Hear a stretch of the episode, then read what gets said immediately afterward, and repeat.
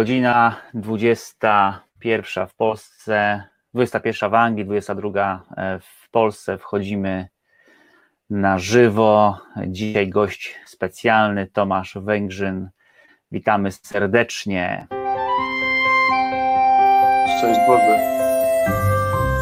Szczęść Boże. Wit-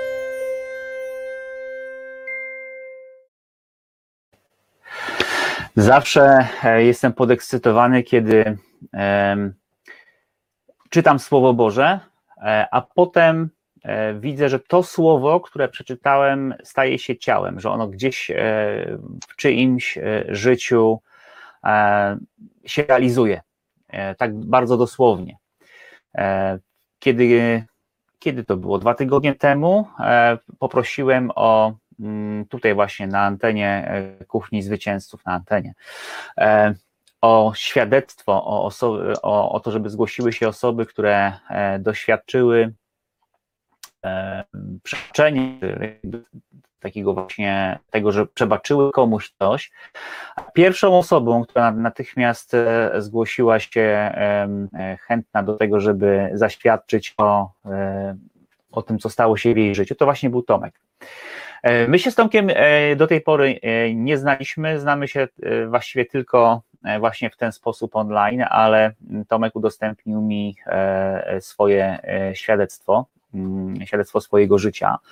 Bardzo mocno mnie to dotknęło i stwierdziłem, że e, na to świadectwo zrobimy specjalny odcinek e, po to, żeby, e, żebyście również e, mieli szansę się mm, e, z tym, e, z tym świadectwem zapoznać.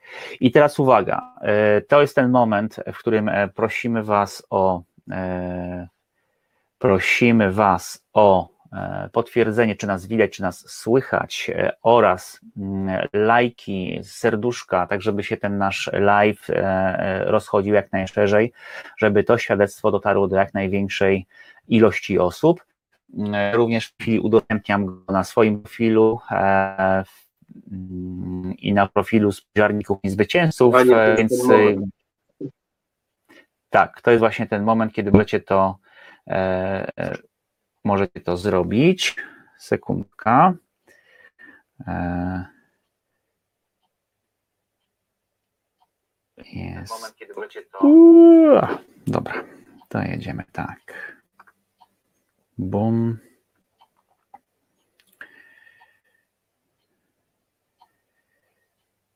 I spiżarnia kuchni zwycięzców poszło. Dla tych, którzy e, są tutaj po raz pierwszy i jeszcze nie mieli okazji e, się zetknąć e, ze mną, ja się przedstawię, nazywam się Przemysław Krawczak. I na tym kanale, na Kuchni Zwycięzców, dzielę się moim doświadczeniem, ponad 30-letnim doświadczeniem wiary, m, chodzeniem w Słowie Bożym i we wspólnocie, ze Słowem Bożym i we wspólnocie przyjaciół. A gościem specjalnym dzisiaj Tomek Węgrzyn. I Tomek, przedstaw się, powiedz dwa słowa, zanim jeszcze przejdziemy do Twojej historii. E, Kim jesteś? Szczęść Boże, witam Was serdecznie.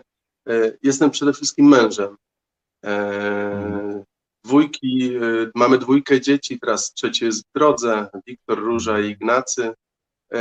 Ja jestem na swojej drodze trzy lata, więc dla mnie to już jest bardzo długi okres, ale na przykład porównując do tutaj Przemka, to jestem taki świeżaczek.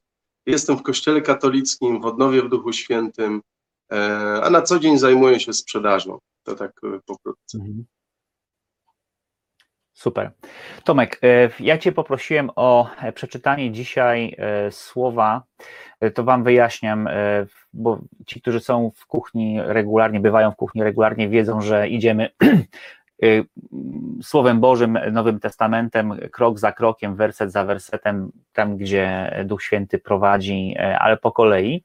Dzisiaj pozwoliłem sobie troszeczkę o paręnaście wersetów przeskoczyć e, w ten ósmy rozdział Ewangelii Mateusza, ósmy rozdział, w którym e, w tej chwili jesteśmy, do którego doszliśmy. I zaraz się wyjaśni dlaczego. I Tomka poprosiłem o to, żeby, żeby nam te wersety, które dzisiaj są dla nas kluczowe, e, przeczytał Tomek. Tak, to jest Ewangelia z y, świętego Mateusza, ósmy rozdział, werset 16 Mhm. do 17. Wieczorem przyprowadzono do niego wielu opętanych, a on słowem wyrzucał złe duchy i uzdrawiał wszystkich chorych. Tak spełniło się słowo przekazane przez proroka Izajasza. On wziął na siebie nasze słabości i dźwigał nasze choroby. Oto słowo Boże. Amen. Bogu niech będą dzięki. I to jest e, właśnie to słowo, które tak mnie dotyka, bo ono się jakby wypełnia jeden do jeden w, w, w życiu Tomka. E, w komentarzach później oraz na spiżarni Kuchni Zwycięzców e, udostępnię również e, link do tego świadectwa, które znalazło się na portalu wiara.pl. E, Świadectwo e, Tomka i Kasi e, dotyczące, e, dotyczące ich, e, ich życia. Kto jeszcze nie jest w spiżarni Kuchni Zwycięzców w grupie na Facebooku, to gorąco zapraszam e, w- tej chwili. Tomek, ja już oddaję Ci głos. Nie będę Ci, e, nie będę ci przeszkadzał, bo e, sam chętnie usłyszę Twoje świadectwo. Natomiast e, jeżeli mam jakieś pytania, pisz w komentarzach. e, Jeżeli cokolwiek chcielibyście więcej em, się dowiedzieć, e, piszcie. E, Tomek, powiedz, co wydarzyło się e, w Twoim życiu? Bo to słowo, które właśnie przeczytałeś, ono się e, w Twoim życiu wypełniło. Tak. Myślę, że ta historia, ona przede wszystkim e, pokazuje, że Bóg jest wierny swojemu słowu, e, bo to takie przewodnie słowo, które żeśmy czytali, ono faktycznie, to świadectwo moje będzie potwierdzeniem tego, że Bóg tego słowa dotrzymał, ale też jakby e, w tej historii usłyszycie też e, inne słowa, ale jakby całość będzie pokazywać jedną e, Mhm. taką e, rzecz, która mnie bardzo ujmuje, że tak jak my często jesteśmy niewierni, tak Bóg zawsze dotrzymuje swojego słowa. Ja postaram się tą historię opowiedzieć tak w miarę y, treściwie i żeby nie rozchodzić się może na jakieś wątki poboczne, bo się śmieję, że Przemek y, dzisiaj powiedział mi, że mamy czas, więc ja, wiecie, mógłbym mówić do rana, ale myślę, że to nie o to chodzi. E, Generalnie lubię mówić o Bogu i, Mhm. i po prostu sam często przypominając sobie tą historię, jestem pełen podziwu dla Jego wszechmocy, bo, bo to jest niesamowita historia. Zacznę tak od początku. E, Ja pochodzę z e, katolickiej rodziny, mam mamę, tato już jest w niebie, Mhm. e, brata starszego 3 lata. Mm, Posiadałem wszystkie sakramenty, natomiast nigdy Bogiem nie żyłem. Znaczy w domu nigdy nie było żywej wiary. W zasadzie jakby wypełniało się taką bardziej religijność. Mi jako dziecku niczego też nie brakowało, bo miałem naprawdę kochających rodziców. E, Mieliśmy w miarę jakieś rozsądne warunki, jak na tamte czasy, bo to był też przełom takiej komuny, tego przejścia. E, Rodzice w zasadzie dbali o wszystko. E, Natomiast w pewnym momencie w naszym życiu w, do naszego domu wszedł alkohol. I to był taki ten moment przełomowy, bo jak ten alkohol wszedł do naszego domu, ja nie potrafiłem sobie z tym poradzić. Znaczy, byłem akurat w takim ważnym dla młodego chłopaka wieku, kiedy dorastałem, kiedy też potrzebowałem tej miłości ojcowskiej, y, ale też takiej matczynej. Potrzebowałem wzorców, a niestety tego w domu nie dostawałem. Y, Mój tato zaczął pić, tego było coraz więcej i w moim sercu pojawił się bunt. E, I dzisiaj wiem, że pojawiło się przede wszystkim nienawiść i nieprzebaczenie. E, Mówię o tym i też chcę to mocno podkreślić, bo e, pewne rzeczy będę Wam opowiadał, jakby mając e, już dzisiaj tą wiedzę i też jakby będąc w tym miejscu, w którym jestem. E, Natomiast e, wtedy jeszcze nie wiedziałem, że to tak bardzo wpłynie na moje życie. I faktycznie ja zacząłem ojca nienawidzić e, do tego stopnia, że nasze relacje były takie, że nieraz doszło do rękoczynów, no po prostu tam nie było szacunku niczego. Rodzice przestali być dla mnie jakimkolwiek wzorem. I ta rana w sercu moim spowodowała, że z jednej strony mówiłem, że nigdy nie będę jak mój tato. E, Po prostu zawsze powtarzałem, że nigdy nie będę taki jak on, no ale życie pokazało, że jednak taki się stawałem. Więc e, dość szybko e, wyszedłem, poszedłem jakby w świat, a że byłem zawsze jakiś taki w miarę ogarnięty i jakby radziłem sobie, więc miałem dobrą pracę, pracowałem w, dobrych koncernach, zarabiałem dobre pieniądze. Jak się pojawiły pieniądze, to pojawiły się dyskoteki. E, I ja dość mocno wszedłem w to środowisko, e, zacząłem imprezować praktycznie od, nie wiem, w czwartki zaczynałem, w poniedziałek kończyłem. e, za alkoholem pojawiły się narkotyki. Ja bardzo mocno w to wszedłem, znaczy było tak, że praktycznie pochłonęły mnie totalnie. Zacząłem mocno imprezować. Później pojawiło się takie towarzystwo półświadka. Tutaj we Wrocławiu była grupa przestępcza i to byli moi najlepsi przyjaciele. Zacząłem chodzić wszędzie za darmo na dyskoteki, e, rosła gdzieś ta moja pycha e, i wtedy wydawało mi się, że jest wszystko ok. Znaczy, wtedy myślałem, że jestem Bogiem, że świat leży u moich stóp, e, chodzę w dobrym towarzystwie, piję dobre alkohole, e, e, biorę najlepsze narkotyki, jest super. E, Takie było moje myślenie. O kościele w ogóle nie myślałem. Rodzice widzieli, co się dzieje, ale nie byli dla mnie autorytetem.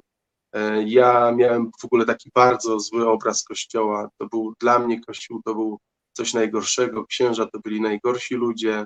E, Ludzie, którzy chodzą do kościoła, to było takie dla mnie przysłowiowe stado baranów. Jakby takie miałem odczucia, patrząc na, e, Kościół katolicki. I, I to tak trwało. E, Ja bardzo mocno posuwałem się w tym swoim imprezowaniu, zwiększałem ilości zarówno i narkotyków, jak i też alkoholu. I to doprowadzało do takich Mhm. sytuacji, że w pewnym momencie po e, iluś tam latach funkcjonowania w taki sposób, ocierania się o śmierć, bo te sytuacje były przeróżne, e, nagle zacząłem czuć coś takiego, że po trzech, czterech dniach e, niby fajnej imprezy, bycia w dobrym towarzystwie, jak wracałem do domu, to nagle pojawiała się taka pustka i ja nie potrafiłem sobie z tym poradzić. To były też często takie momenty, kiedy jechałem do domu i e, do moich rodziców, bo już wtedy nie mieszkałem z nimi.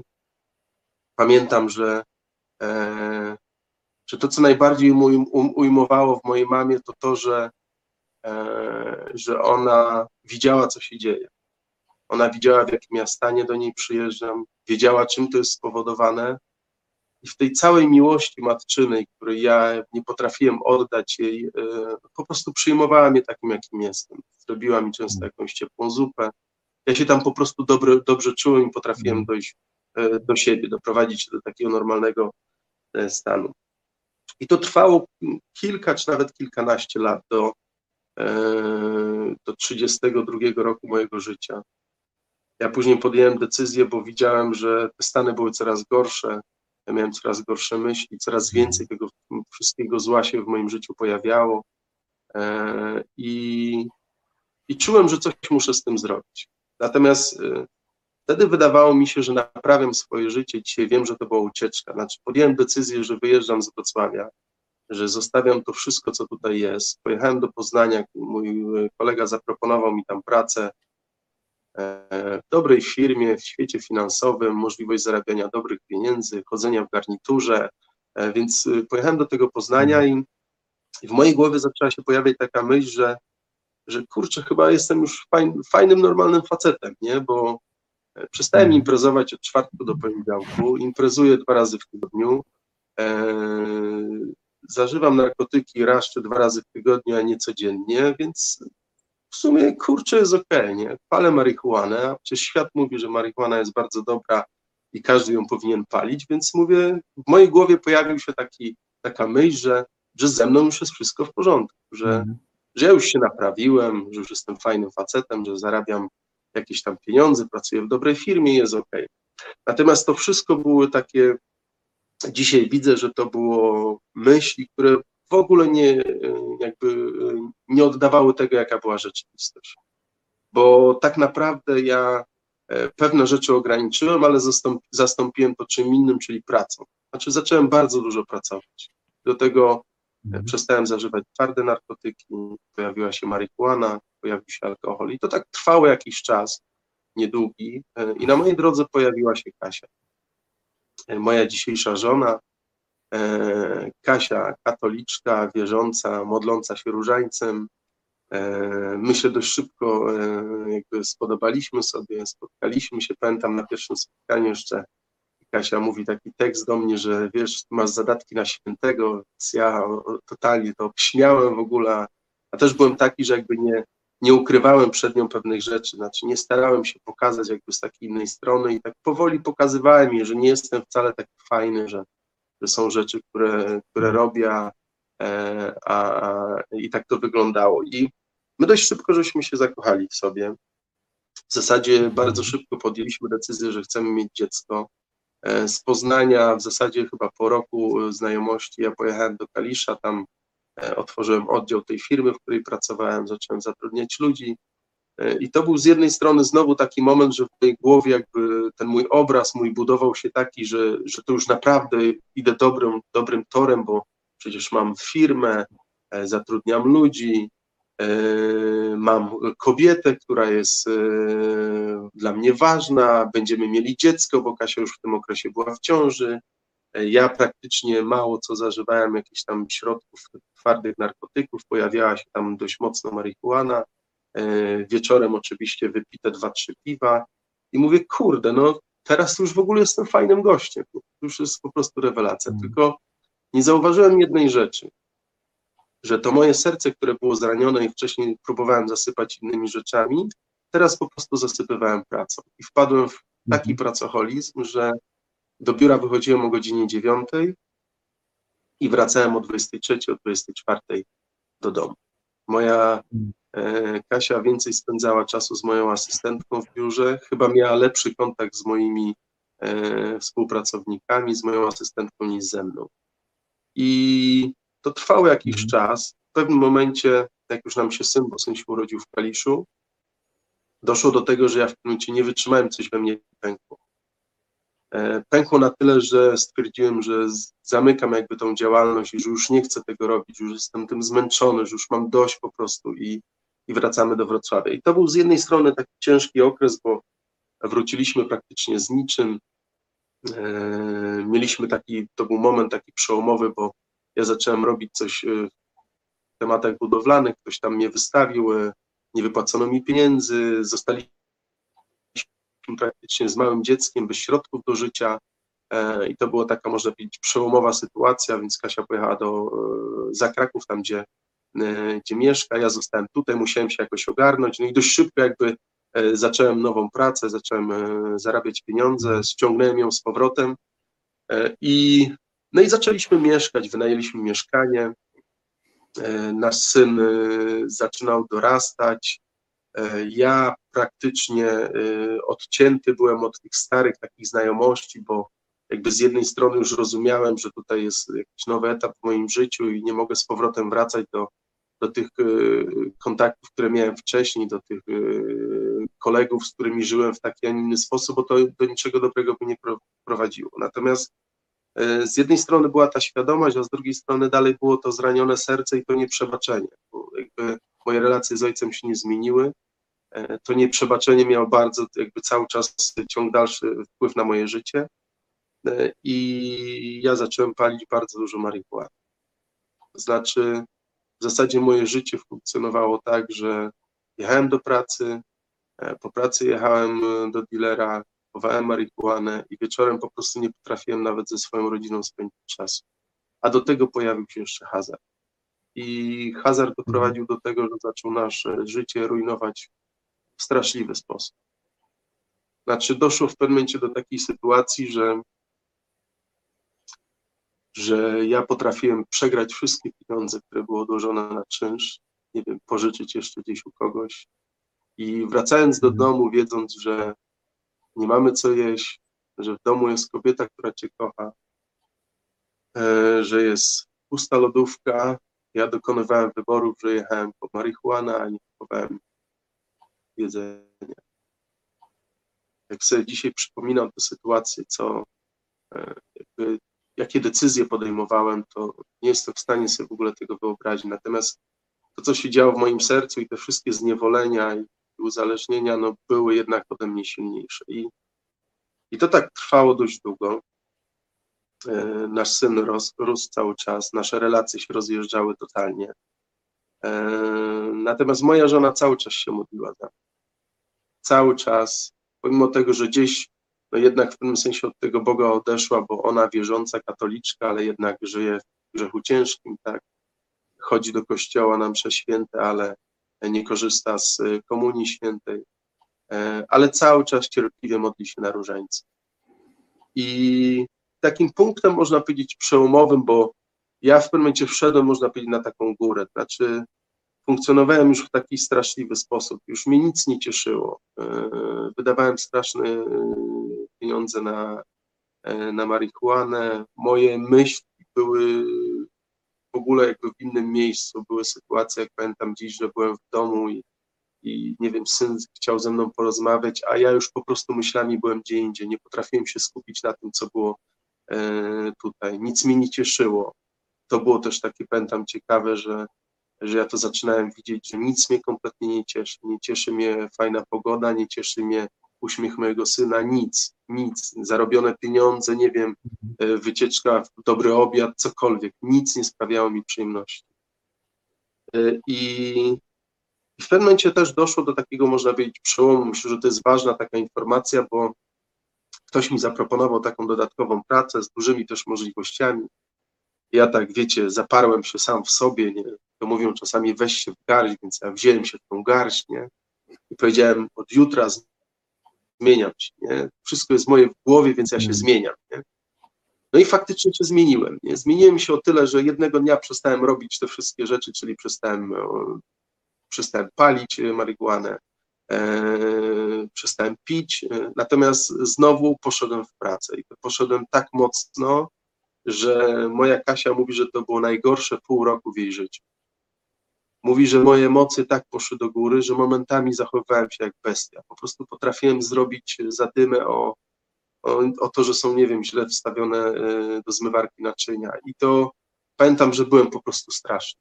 Byłem strasznym człowiekiem w tamtym czasie. Dlaczego o tym też mówię? Bo e, ta sytuacja też ona później w tej perspektywie zobaczycie tą różnicę, jak człowiek próbuje pewne rzeczy zrobić sam. Znaczy, to nie chodzi o to, że jeśli sami próbujecie zmienić pewne rzeczy, to to jest złe. Wcale nie jest złe. Tylko, że na pewne rzeczy nie mamy wpływu. I ta sytuacja moja te pół roku pokazało, że ja mogę próbować e, poprawić się, ale to jest tylko swego rodzaju zastępstwo, czyli rezygnuję z jednych rzeczy i wchodzę w drugie. Wchodzę po prostu w Mhm. pracę, moje emocje idą mocno do góry, zaczynam być jeszcze gorszym człowiekiem. Ponieważ to serce nie zostało zmienione, ponieważ to nieprzebaczenie dalej we mnie jest. I, i to dochodzimy do roku 2017. E, mój tato jest chory na raka, e, leży w szpitalu, ma przeprowadzoną operację, to jest marzec. Ja pamiętam, wtedy jeszcze nie wiedziałem, co to było. Dzisiaj wiem, że to był Duch Święty.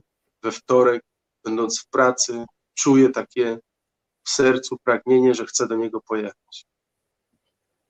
Mówię, wtedy jeszcze tego w ogóle nie rozumiałem, ale dzisiaj wiem, że to Mhm. Duch Święty wlał to pragnienie w moje serce, a że tato leżał w Wałbrzychu, bo tam mieszkali.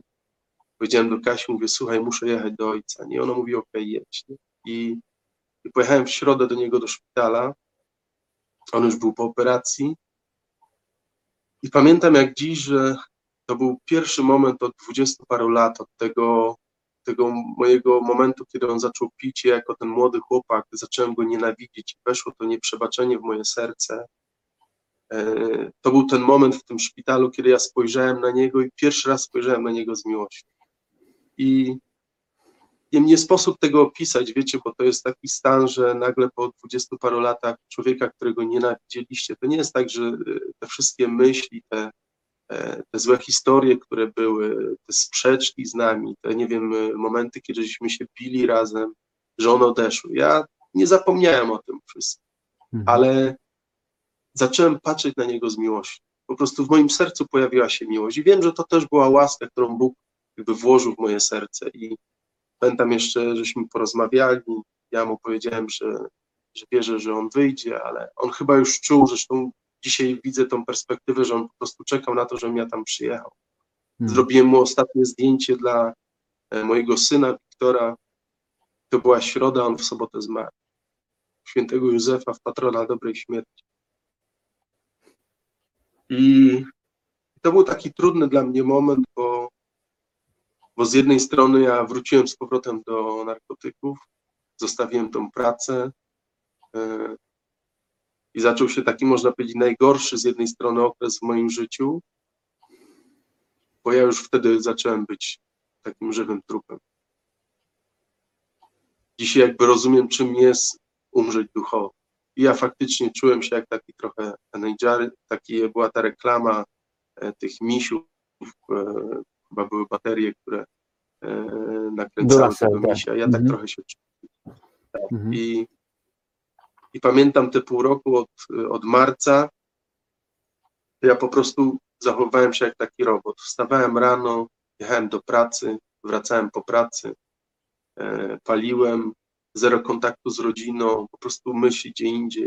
E, zaczęły się pojawiać myśli samobójcze. To był taki okres po prostu no, najgorszy w moim życiu.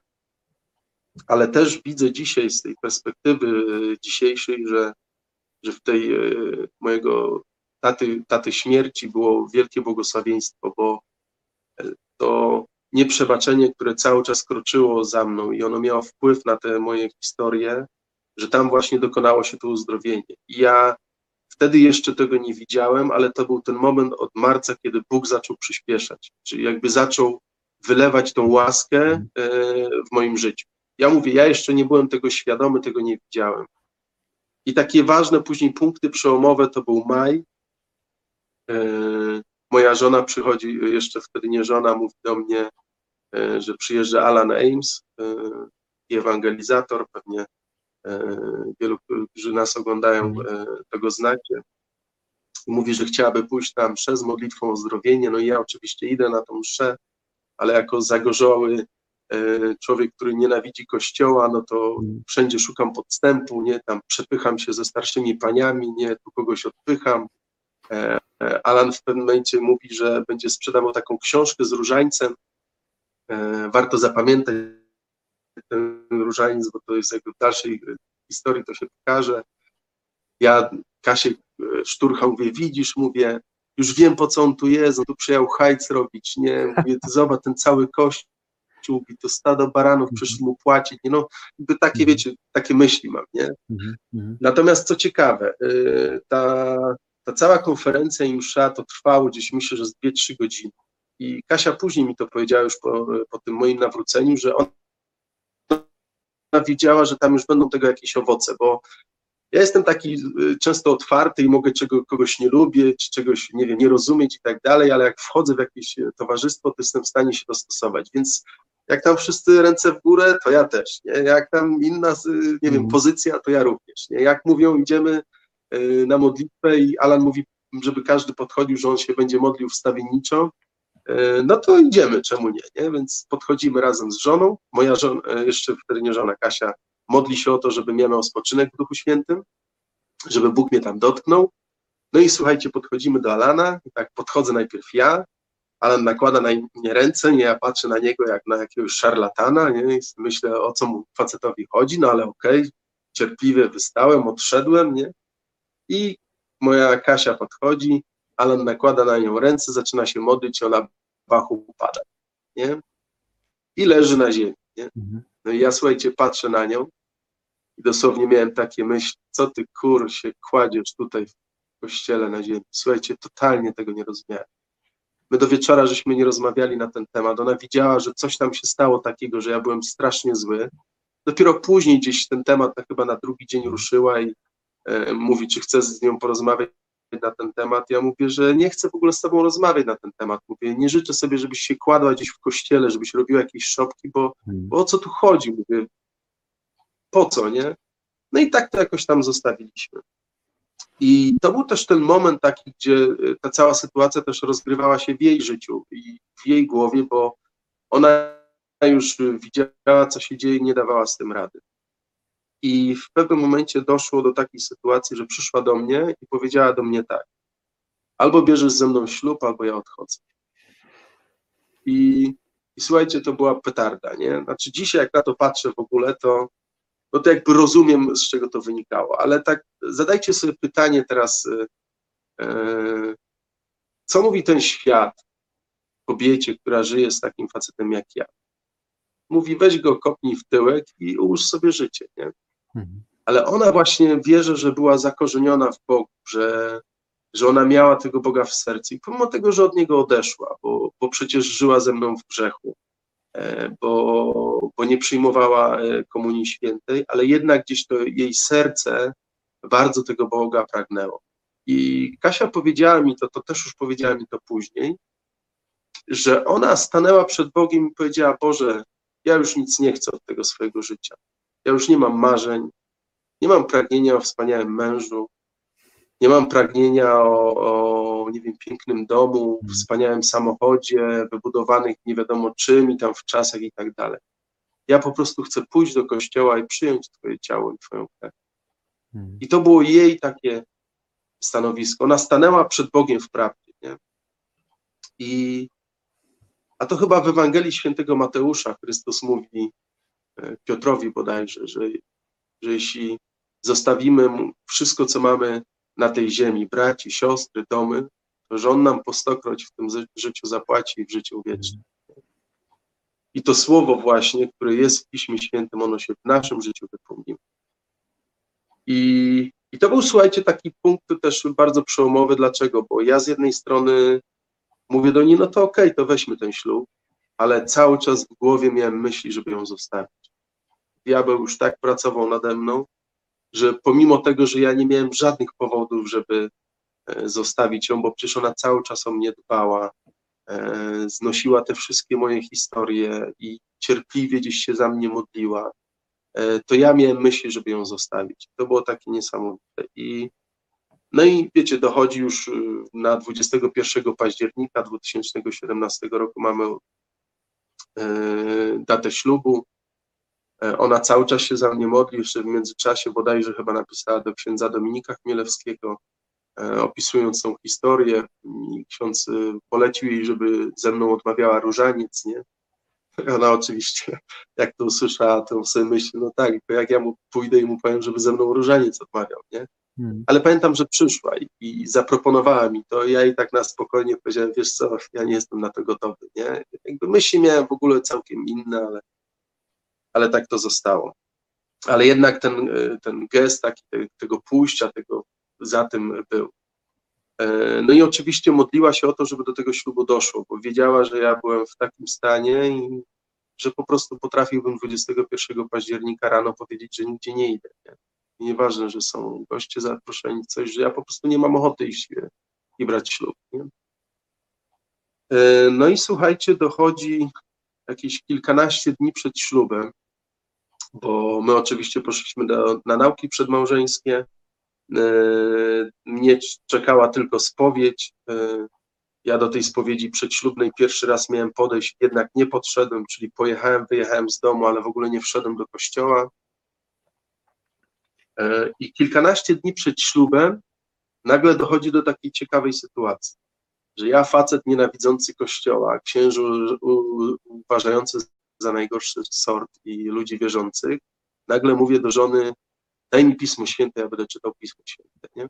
I ona zdębiała, popatrzyła się na mnie, no i oczywiście zaczyna mi tłumaczyć, że wiesz, Tomek, to może y, jest taka zasada, że się powinno czytać najpierw Nowy Testament, nie, a później może gdzieś tam Stary, nie, ja oczywiście do niej mówię, e, a co było pierwsze, nie, ona mówi, no Stary Testament, to daj mi Stary Testament, nie, no to ja bak, biorę Stary Testament, nie, no i zaczynam czytać, i dochodzę do, gdzieś do Księgi Wyjścia, czytam to jak zwykłą książkę, oczywiście wielu rzeczy nie rozumiem, e, ale czytam, wiecie, jak gazetę, jak nie wiem, co się, co się tam ukazało, nie, i w pewnym momencie gdzieś na etapie tam księgi wyjścia, to nie był, że ja słyszałem głos, ale po prostu wiem, że Duch Święty jakby powiedział do mnie, czytaj Nowy Testament, bo ja tam jestem, bo ja tam byłem na ziemi.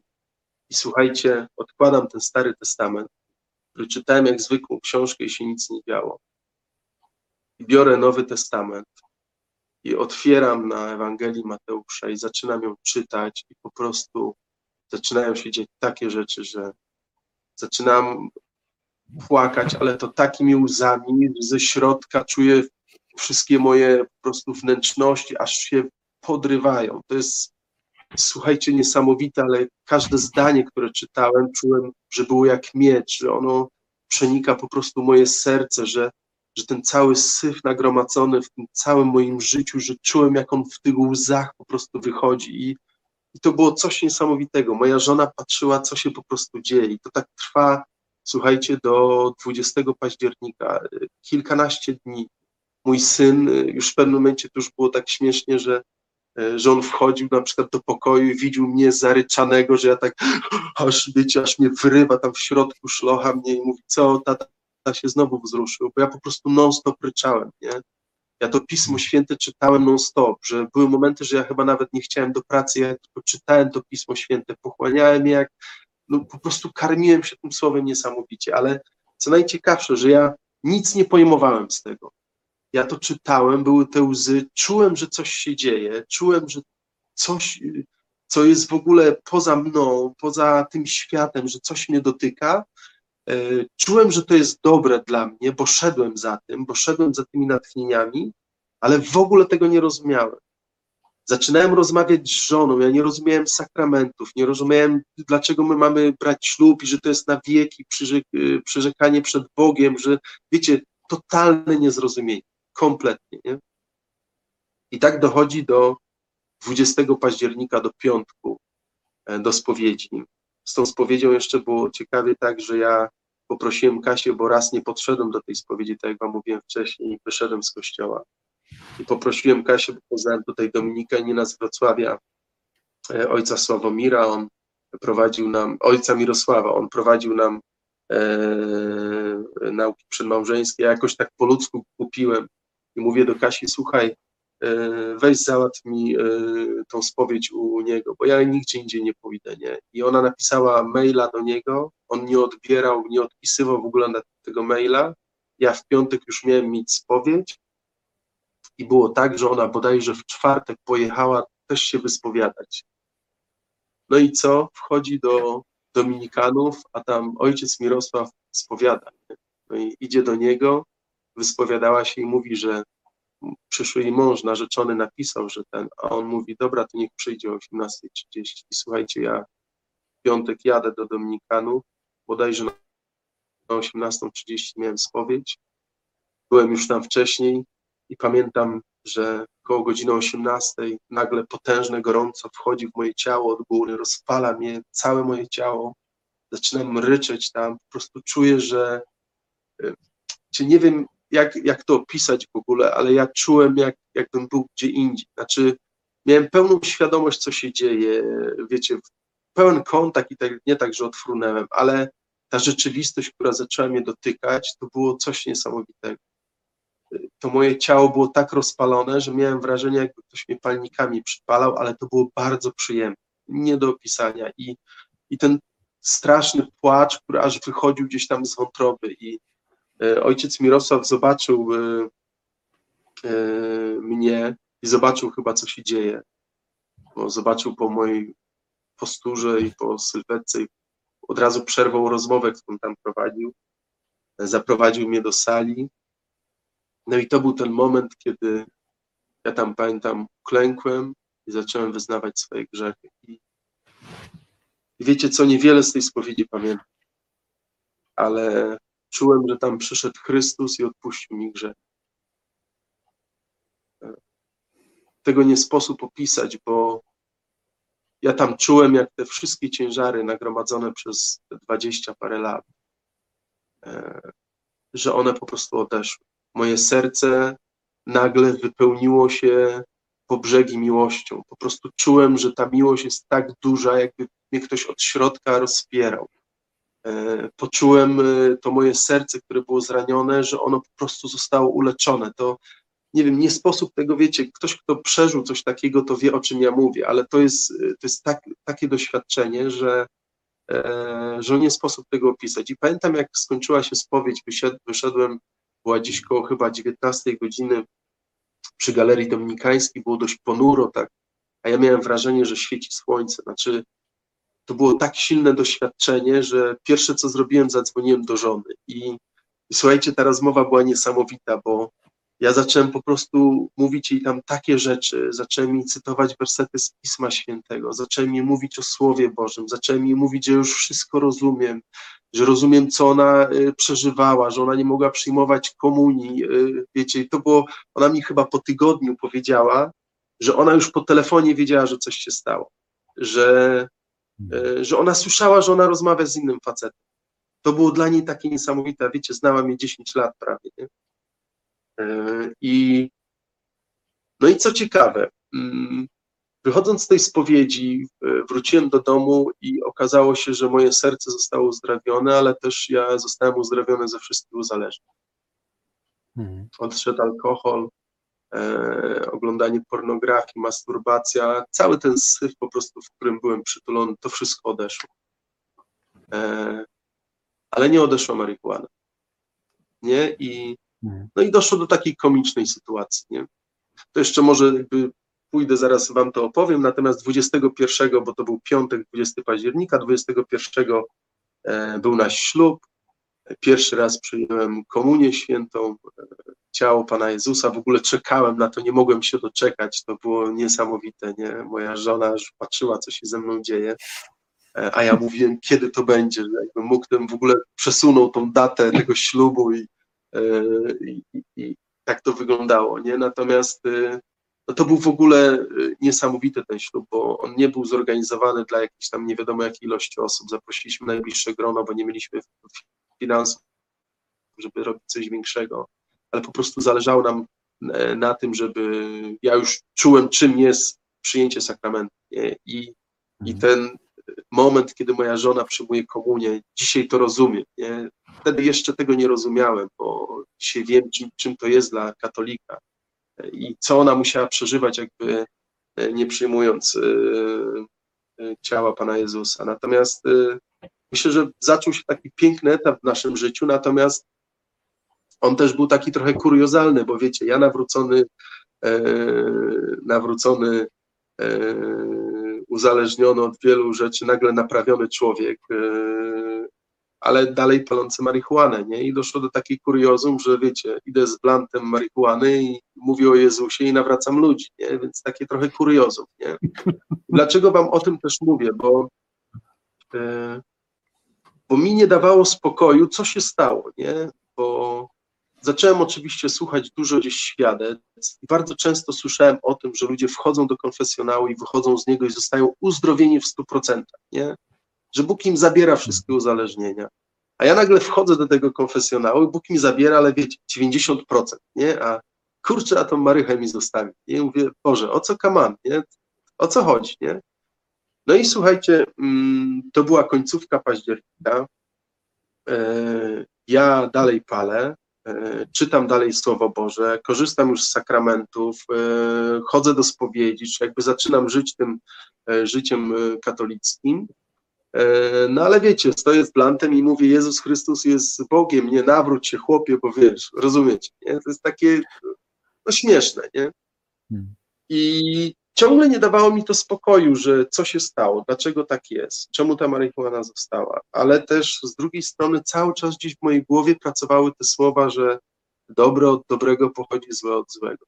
I słuchajcie, y, dochodzi w pewnym momencie do takiej sytuacji, że ja wychodzę sobie, wychodziłem, mieszkamy przy parku i tam często wychodziłem zapalić, E, no i wychodzę któregoś dnia do, e, do tego parku, zaczepia mnie dwóch e, facetów z daleka, krzyczy, woła do mnie, nie?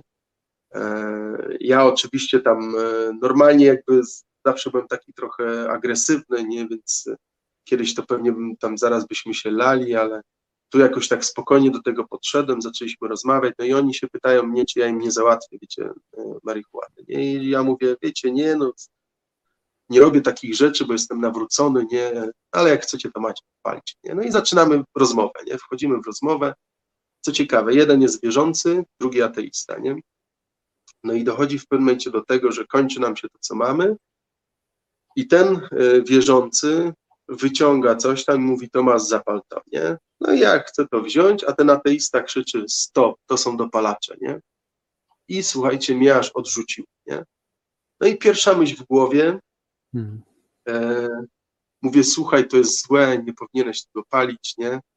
E, to może zróbmy tak, że ty wyrzuć to, to, co ty masz, a ja ci tyle samo przyniosę marihuany. No bo wiecie, marihuana jest dużo lepsza, nie? Przecież świat mówi, Maryśka jest bardzo dobra, nie? Jarajcie Marychę, bo jest zdrowa, nie?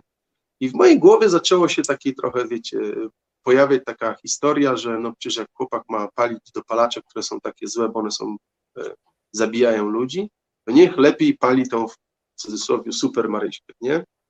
No i z 15 minut z nimi rozmawiam, on nie chce tego zrobić, nie chce tego wyrzucić. E, Ja w końcu już się po 15 minutach poddaję, mówię, dobra, to idę do domu i odchodzę z 10-15 metrów i on mnie woła i mówi, dobra, wiesz co, ja to wyrzucę, nie?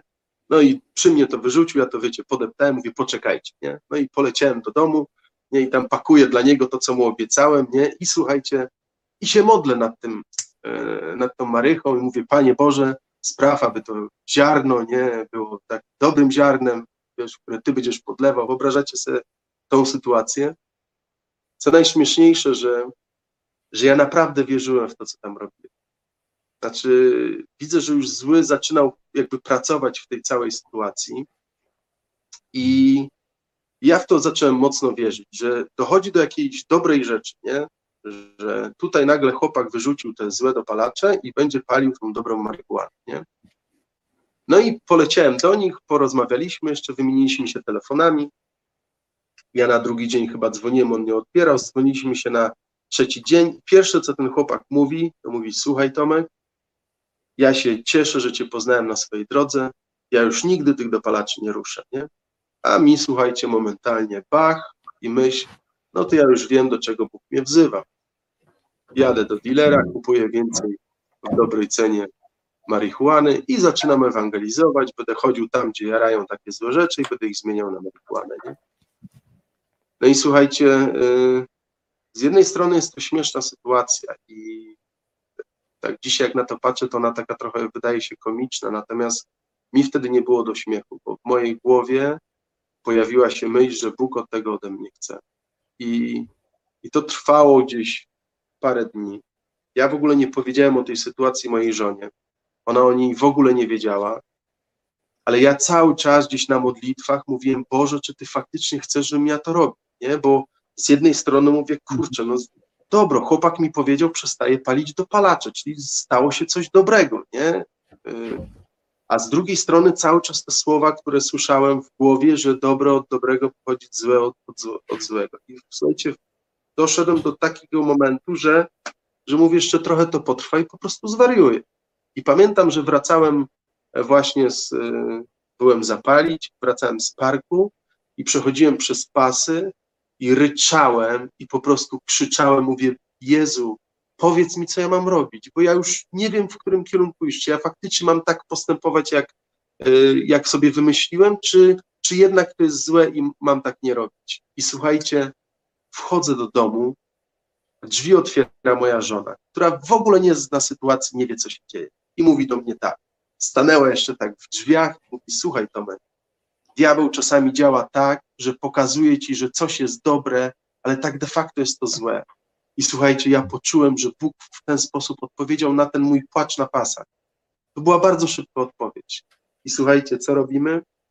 Biorę ten różaniec od Alana Amesa, myśmy wtedy kupili tą książkę, a Alan Ames powiedział, że jak się ludzie będą modlić tym różańcem, to się będą cuda działy. I zabrałem ten różaniec i to był ostatni dzień e, października, kiedy były modlitwy różańcowe w e, kościele i poszedłem z moją żoną, z moim synem i tam klęknęłem i poprosiłem Maryję, żeby zabrała mi tą marihuanę, bo już nie chcę tego palić. I słuchajcie, to był ten moment, kiedy oddałem naprawdę Bogu. Poprosiłem Boga, żeby mi to zabrał. I dlatego wam tą historię opowiadam, bo ja wyszedłem z tego kościoła i po dwudziestu paru latach palenia za naprawdę już potężne ilości e, przestałem być uzależniony. Zero syndromu odstawienia. Moja żona po tygodniu to patrzyła na mnie, mówi, tak wiecie, spod byka, mówi, tobie się naprawdę nie chce palić? Ja zacząłem jeździć do moich kumpli, którzy palą, zaczęli mówić, że to jest złe, żeby tego nie robili. Palili przy mnie, wiecie, a, a ja mnie w ogóle to nie dotykało. Nie? Na wszystkich terapiach mówią, e, na początku, nie wiem, alkoholikowi mówią, weź, wyrzuć kieliszki z domu, nie idź tam, gdzie jest alkohol, nie? Ale właśnie dlaczego wam o tym mówię? Bo tu są ważne dwie rzeczy. Pierwsze, ja w konfesjonale nie oddałem tego Bogu. Ja oddałem mu to wszystko, co mnie przygniatało. Stanąłem przed Bogiem wtedy i powiedziałem, Boże, zabierz mi to, bo były bardzo często momenty w moim życiu, kiedy jak sufit spadał mi na głowę, jak już nie widziałem wyjścia dla siebie, to jechałem do kościoła i nie wierząc w Jezusa Chrystusa, wołałem tam i płakałem, mówię, Jezu, jeśli faktycznie jesteś, to przyjdź i mnie uratuj. i on usłyszał tej, tego wołania. Ale później zrozumiałem, że oddałem mu te wszystkie swoje uzależnienia oprócz marihuany, że ja mu nie chciałem tego oddać i dlatego on mi to zostawił. Jakby działał w taki bardzo prostej tej, okej, okay, to chcesz, to ci zabiorę, tak, ale tego mi nie oddajesz, więc, więc ci tego nie zabieram. I po dwóch tygodniach dopełniło się to całe uzdrowienie, ale dlatego, że ja po prostu oddałem to Bogu.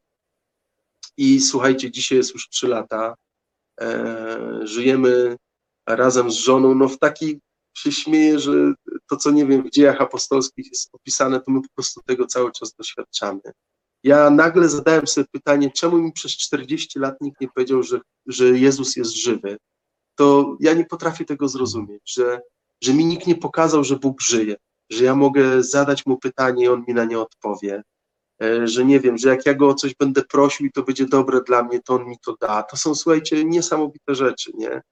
Później jeszcze Bóg łamał mnie w kwestii, nie wiem, spoczynku w Duchu Świętym, bo pamiętacie, jak opowiadałem wam e, te moje doznania i jakby to, co, e, jak patrzyłem na żonę, jak ona upadła, więc Bóg bardzo szybko mnie tutaj sprowadził do parteru i po nawróceniu miałem cztery mocne spoczynki, e, takie, że leżałem po 45 minut, ludzie po prostu nie wiedzieli, co się dzieje, a ja, wiecie, tam w obecności Bożej byłem uzdrawiany z tego wszystkiego, co przez te wszystkie lata nabrałem. Natomiast e, jakby cała ta historia dla mnie, bo ciągle ją gdzieś na nowo odkrywam, cały czas cofam się wstecz, e, Bóg też pokazuje mi pewne te takie ważne momenty, ale wierzę, że najważniejsze z tej historii było, e, ten punkt przełomowy to było przebaczenie Ojca, nie?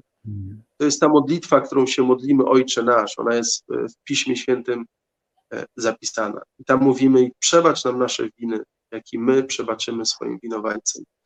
Ta moja historia pokazuje, że jeśli faktycznie dojdzie do tego, to, e, to, Bóg, e, to Bóg będzie chciał nam wybaczyć inne rzeczy, nasze grzechy, bo jest po prostu miłosierny i pomimo tego, że ja 40 lat e, jak ci Izraelici po pustyni krążyłem i chociaż ja nie chodziłem za nim, ale obrażałem go, to dla niego nie miało tak, takiego znaczenia. To takie w ogóle ciekawe, wiecie, historie zawsze się z takim moim bratem w wierze Kubą śmiejemy, że Bóg to wiele przypadków jest, nie? 40 lat y, zostałem nawrócony, dokładnie mają 40 lat, nie? W ogóle ciekawa historia. Po tym moim nawróceniu nasza znajoma była na Alanie Eimsie w Krakowie i on tam powiedział taką rzecz, że on ma darę od Jezusa, że jak nałoży na kogoś ręce y, i się będzie modlił wstawienniczo i ta osoba pójdzie do spowiedzi, to często dostaje łaskę nawrócenia. I słuchajcie, ze mną tak było że ja w maju byłem na tej e, mszy świętej, on tam nałożył na mnie ręce i później pierwszą spowiedzią, jaką była, to, to była spowiedź przedślubna, w której ja zostałem nawrócony. Więc no niesamowite, nie? I, mhm. i to mhm. słowo, które jest, e, które jest wpisane w, w Ewangelii, bo myślę, że to jest też takie ważne, proście, a będzie wam dane. Szukajcie, a, a mhm. znajdziecie. To, to to słowo się po prostu wypełniło ono się wypełniło w 100%. I, e, I nawet ono było takie z mojej strony gdzieś, bo przecież ja nie wiem, ani nie byłem wierzący, ani nie znałem tego słowa. Mnie e, ten ucisk spowodował, że ja zacząłem szukać Boga, że ja stanąłem w prawdzie przed nim i nieraz w tym kościele ryczałem i mówiłem, Jezu, jeśli faktycznie jesteś, to przyjdź i mi pomóż. I to było to właśnie to wołanie. Wierzę, że to było to słowo, które się wypełniło, to proście, nie? E, I, I naprawdę to jest takie dla mnie niesamowite, że, że my często jesteśmy niewierni, e, odchodzimy od tego Boga, upadamy. Ale On, jeśli zapisał w Piśmie Świętym, że będziemy Go prosić i otrzymamy, to On tego słowa dotrzymuje. I to jest najpiękniejsze, co, e, co jest w naszym Bogu, ta Jego wierność. Nie? To tak trochę jak czasami mówimy o kerygmacie. Nie? Często hmm. jak gdzieś jeżdżę i opowiadam swoją historię, ludzie czasami zadają pytania i jakby nie rozumieją tego, dlaczego Bóg y, posłał Chrystusa na, na krzyż. Nie? E, ja to często też tłumaczę, bo, bo musiało się też wypełnić y, y, słowo, które jest w Piśmie Świętym, a Pismo Święte mówi, że karą za grzech jest śmierć. I Bóg z jednej strony jest Bogiem miłosiernym, że chce okazać miłosierdzie, ale z drugiej strony jest Bogiem, który dotrzymuje swojego słowa. I dlatego posłał swojego mhm. syna, bo na tym krzyżu to ja powinienem być przybity. Nie?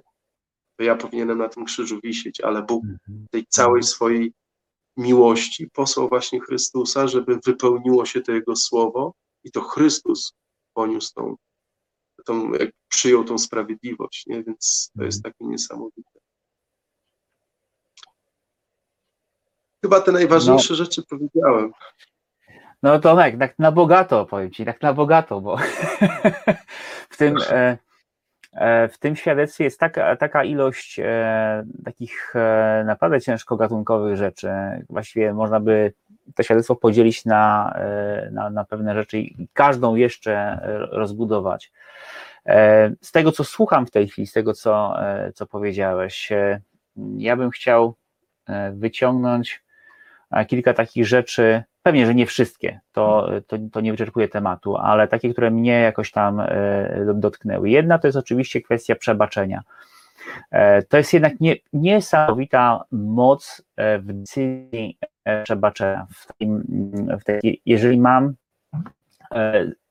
wobec kogoś, ktoś mnie zranił, ktoś mnie skrzywdził, i ja trzymam gdzieś w sobie wobec tej osoby nieprzebaczenie, nienawiść, w, mam zadrę, to kiedy decyduję się to odpuścić, e, decyduję się przebaczyć takiej osobie, to jest jak życie ten korek, który się wyjmuje z butelki, e, to zupełnie, zupełnie zmienia rzeczywistość, wtedy ten brud może wypłynąć i może wpłynąć e, czysta e, woda Bożego miłosierdzia ale to jest moja decyzja. To nie chodzi o uczucia, to nie chodzi o emocje, to chodzi o moją decyzję na początku, a potem Bóg uzdrawia również uczucia i emocje. To jest proces, ale zaczyna się od, e, od tej decyzji i to, to, to, co powiedziałeś, tą historię ze swoim, e, ze swoim ojcem. Ale chcę tu wyciągnąć jedną rzecz, bo e, to z mojego doświadczenia i wielu rozmów z ludźmi, którzy gdzieś, no właśnie, są pogubieni w życiu, w różnych związkach, w, w grzechach różnego rodzaju. I to ich trzyma daleko od Boga. I to dzisiaj to, co powiedziałeś, to jest niesamowicie ważna e, rzecz. Bóg nie czeka, aż ty będziesz doskonały, aż ty będziesz oczyszczony. E, Że to nie o to chodzi Bogu, żebyś ty sam siebie oczyścił, sam siebie wydoskonalił i taki już umyty, wyczyszczony przyszedł do Niego i powiedział, o Panie Jezu, widzisz, a teraz już jestem czysty, to mogę się z Tobą tutaj kolegować i teraz mogę się już do Ciebie modlić, bo, bo już jestem czysty. Dokładnie na odwrót to jest. Kiedy jestem brudny, kiedy jestem nieczysty, kiedy jestem w tym grzechu, wtedy przychodzę do Boga i On zaczyna ze mną proces. To nie znaczy, że kiedy jestem chociażby, w tak jak y, w y, Waszym wypadku było, w związku niesakramentalnym, tak? To nie znaczy, że ja się nie mogę modlić. To nie znaczy, że ja się nie mogę do Boga e, zwracać, bo On mnie na pewno nie będzie chciał usłyszeć. On się odwrócił ode mnie plecami. E, dokładnie na odwrót. Dokładnie na odwrót. Kiedy w, e, w Jasne, że być może nie mogę przystępować do, e, do, do sakramentów, ale nie jestem na straconej pozycji. I, i jest to coś, co, e, co Bóg mi e, obiecuje, swoje miłosierdzie, swoją, swoją obecność. Taki, jak jestem, Tak, myślę, że- w tym grzechu, to się, e, to się, no właśnie, taki przychodzę do Niego. Nie? Tak, i myślę, że tutaj też ta historia to pokazuje, no bo ta perspektywa mojej żony, która się Tak. modli 7 lat, pomimo tego, że jest w grzechu ciężkim, Bóg co robi? Wysłuchuje. Wiesz, to jest w ogóle taki fenomen, nie? Bo ja dlatego też e, e, przywołałem to, e, tą perspektywę Kasi, bo e, to naprawdę e, tak po ludzku jak spojrzeć, to jak świat to pokazuje, nie? No to co świat ma rozwiązanie na taką sytuację? Weź, Mhm. zostaw tego faceta, ułóż sobie życie, nie? No o co ci Mhm. chodzi, nie? ale ona właśnie staje w tej perspektywie Bożej, nie? I zobaczcie, co Bóg robi, to jest niesamowite. Bóg dotrzymuje tego słowa, które wypowiedział też do Piotra. Każdy, kto Mhm. zostawi z- domy, braci, siostry dla mnie, dla mojego imienia, i ona to zrobiła. Ona zostawiła mhm. całe życie. Ona powiedziała, już nie chcę mieć, yy, nie mam marzeń, nie mam nic, ogołocona jestem ze wszystkiego. Chcę iść do kościoła i przyjąć Cię, Panie Jezu. Co Bóg robi? Przecież ja mogłem zwariować już w ogóle potem. Mhm, Przecież mhm. w ślubie już mogłem, wiecie, odfrunąć totalnie. Ale Bóg jest wierny swojemu słowu. I co On robi? Prowadzi cały ten proces i nawraca. Nie? Mhm. I to jest to właśnie, ja wam po stokroć zapłacę już w tym życiu. Nie? I ona mi Mhm, powiedziała, mhm. Tomek, to słowo się w naszym życiu wypełniło. Ona zrozumiała, że Bóg jest wierny temu słowu. Natomiast też myślę, że warto też to, do, do czego, do, to, co ty powiedziałeś, no to Paweł chyba opisuje, że tam, gdzie rozlał się grzech, tam jeszcze bardziej rozlała Tak, się łaska. Nie? Tak. I to mówię, Mhm. to nie jest droga na zasadzie, to dobra, weźmy grzeszmy teraz, tak? I bo ja Mhm. będę grzeszył, to Bóg jeszcze bardziej będzie łaskę rozlewał. To jakby nie w tym rzecz. Mhm. Tylko to pokazuje, że dla Boga ten, y, ten grzech, on nie ma o tyle znaczenia, że on y, odgradza nas od Boga, ale jeśli my w tym grzechu będziemy go szukać, to on będzie chciał nas y, Mhm.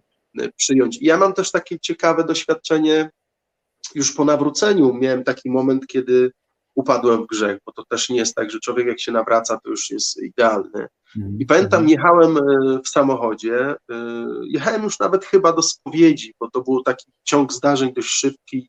I mówiłem dosłownie, Boże, mówię, kim ja jestem, czemu Ty mnie tak kochasz, przecież przelałeś za mnie krew, a, a ja tak grzeszę, mówię, kim ja naprawdę dla Ciebie jestem, mówię, nie jestem Ciebie godzien, nie jestem Ciebie wart, nie, i, i w tym momencie dzwoni telefon od e, mojego e, bliskiej mi osoby, zresztą Bóg nas połączył z Kubą, tak, że bardzo często czy słowa Mhm. dostaje, Bóg takie słowa prorocze przez niego daje, ale ta sytuacja jest o tyle niesamowita, że wiesz, ja jadę, e, mówię Bogu, za co Ty mnie kochasz, nie jestem Ciebie godzien i nagle dzwoni telefon. I ja poczułem, jak zobaczyłem, że to Kuba dzwoni, mówię, kurde, na bank Bóg chce mi coś powiedzieć. I słuchaj, od, odpalam ten telefon i mówię tak, a on mówi, słuchaj Tomek, mam natchnienie teraz z Ducha Świętego, chcę ci powiedzieć, że Bóg kocha cię takiego, jakim jesteś. Słuchaj, mi kopara opadła, rozumiesz? Bo to było, bo to było od razu Tak. odpowiedź na to, co ja Bogu w aucie Tak. mówiłem, nie? Tak. I to też Mhm. pokazuje właśnie, że, że dla Boga nie ma to znaczenia, że Mhm. im więcej tego grzechu jest, tym On więcej tej krwi swojej y, wyleje na nas, żebyśmy po prostu Mhm. byli czyści. Nie? To diabeł nam często Tak. właśnie te myśli takie poddaje. Nie? Tomek, No, patrzę na, jest dyskretnie na, na zegar, że minęła nam już godzina spotkania. Y, Nie chciałbym, żebyśmy jakoś tam bardzo mocno y, jak powiem, popłynęli dalej, bo to potem y, osoby, które będą oglądały później, jak- jakby, żeby też nie się nie przestraszyły tej długości e, tego, e, tego live'a. Ja, e, ja to lubię taką, e, takie powiedzenie, to nie jest moje, ale w, e, e, usłyszałem i to mi się podoba, że nie ma zbyt długich opowieści, mogą być najwyżej nudne, a ta opowieść e, nudna nie jest i można by ją jeszcze, w, myślę, e, ciągnąć i ciągnąć i, i tam jest jeszcze mnóstwo e, rzeczy do, e, do powiedzenia. Jeszcze jedną rzecz chcę wyciągnąć natomiast, żeby mi to nie, e, nie uciekło. To, e, co opowiadałeś o tym e, doświadczeniu z czytaniem słowa, E, Bo to jest też taka rzecz, która często e, gdzieś się e, pojawia, że ludzie mm, zaczynają e, gdzieś tam, wybiorą do ręki Pismo Święte, no bo e, usłyszeli, że no tamto słowo jest ważne, ważne, żeby czytać Biblię. I rezygnują, zostawiają, bo nie czyta i nie rozumie. E, I to, co powiedziałeś właśnie o takim niezwykłym doświadczeniu, że czytasz, nie rozumiesz, ale przez to słowo i tak Bóg w tobie działa i cię oczyszcza i cię uzdrawia. E, I do, rzeczywiście tym słowem, e, tym słowem, pomimo tego, twój intelekt mm, jeszcze nie, nie pojmuje, o czym to, e, to słowo jest. Ja chcę to bardzo mocno e, podkreślić, bo to jest w ogóle ch- chyba taki jeden z leitmotywów tego, co, co, co, co ja robię, że czytaj słowo, nie musisz go e, od razu rozumieć, bo to jest słowo żywe, słowo Boże, słowo, które ma moc w sobie. Ono nie ma mocy przez to, żeś ty je przez, e, przefiltrował przez swój rozum. My jesteśmy dziećmi oświecenia, ale słowo przychodzi wprost od Boga, przez Ducha Świętego. Ono jest e, mocą, ono jest pokarmem, ono jest e, uzdrowieniem, jest lekarstwem, jest światłem, jest inspiracją, ale to się dzieje w duchu i w i to bardzo, ładnie to o tym e, bardzo fajnie powiedziałeś, że e, e, okej, głowa jeszcze nie nadążyła za tym, tak, ale Bóg przez Tak. to słowo i tak w, w Twoim życiu działa i będzie działał. Tomek, będziemy lądować, natomiast ja bym chciał Cię zapytać, czy, bo to jest bardzo mocne, co wszystko, co, co powiedziałeś, czy Nie ust- ja, ja wiem, że tego wcześniej nie ustalaliśmy, więc trochę cię teraz stawiam pod ścianą, ale e, jeżeli ktoś słuchając tego, co, e, co mówisz, e, e, chciałby gdzieś, nie wiem, dopytać się o coś, e, chciałby jakoś, e, mm, nie wiem, pomodlić się z Tobą, e, spotkać może, porozmawiać, to czy może się z Tobą jakoś sk- skontaktować? Bo wiem, że no, jesteś na Facebooku, bo, bo, bo tutaj mamy ten, ten live dzisiejszy, Tak. bo to dla tych, którzy są na Facebooku, to, to mo- mogą nie wiedzieć. Dzisiaj po raz pierwszy, nie powiedziałem tego na początku, jesteśmy i na Facebooku, i na YouTubie, i jeszcze na. Peryskopie, czyli na Twitterze. Także, e, także we wszystkich tych e, e, miejscach Znaczy- jesteśmy.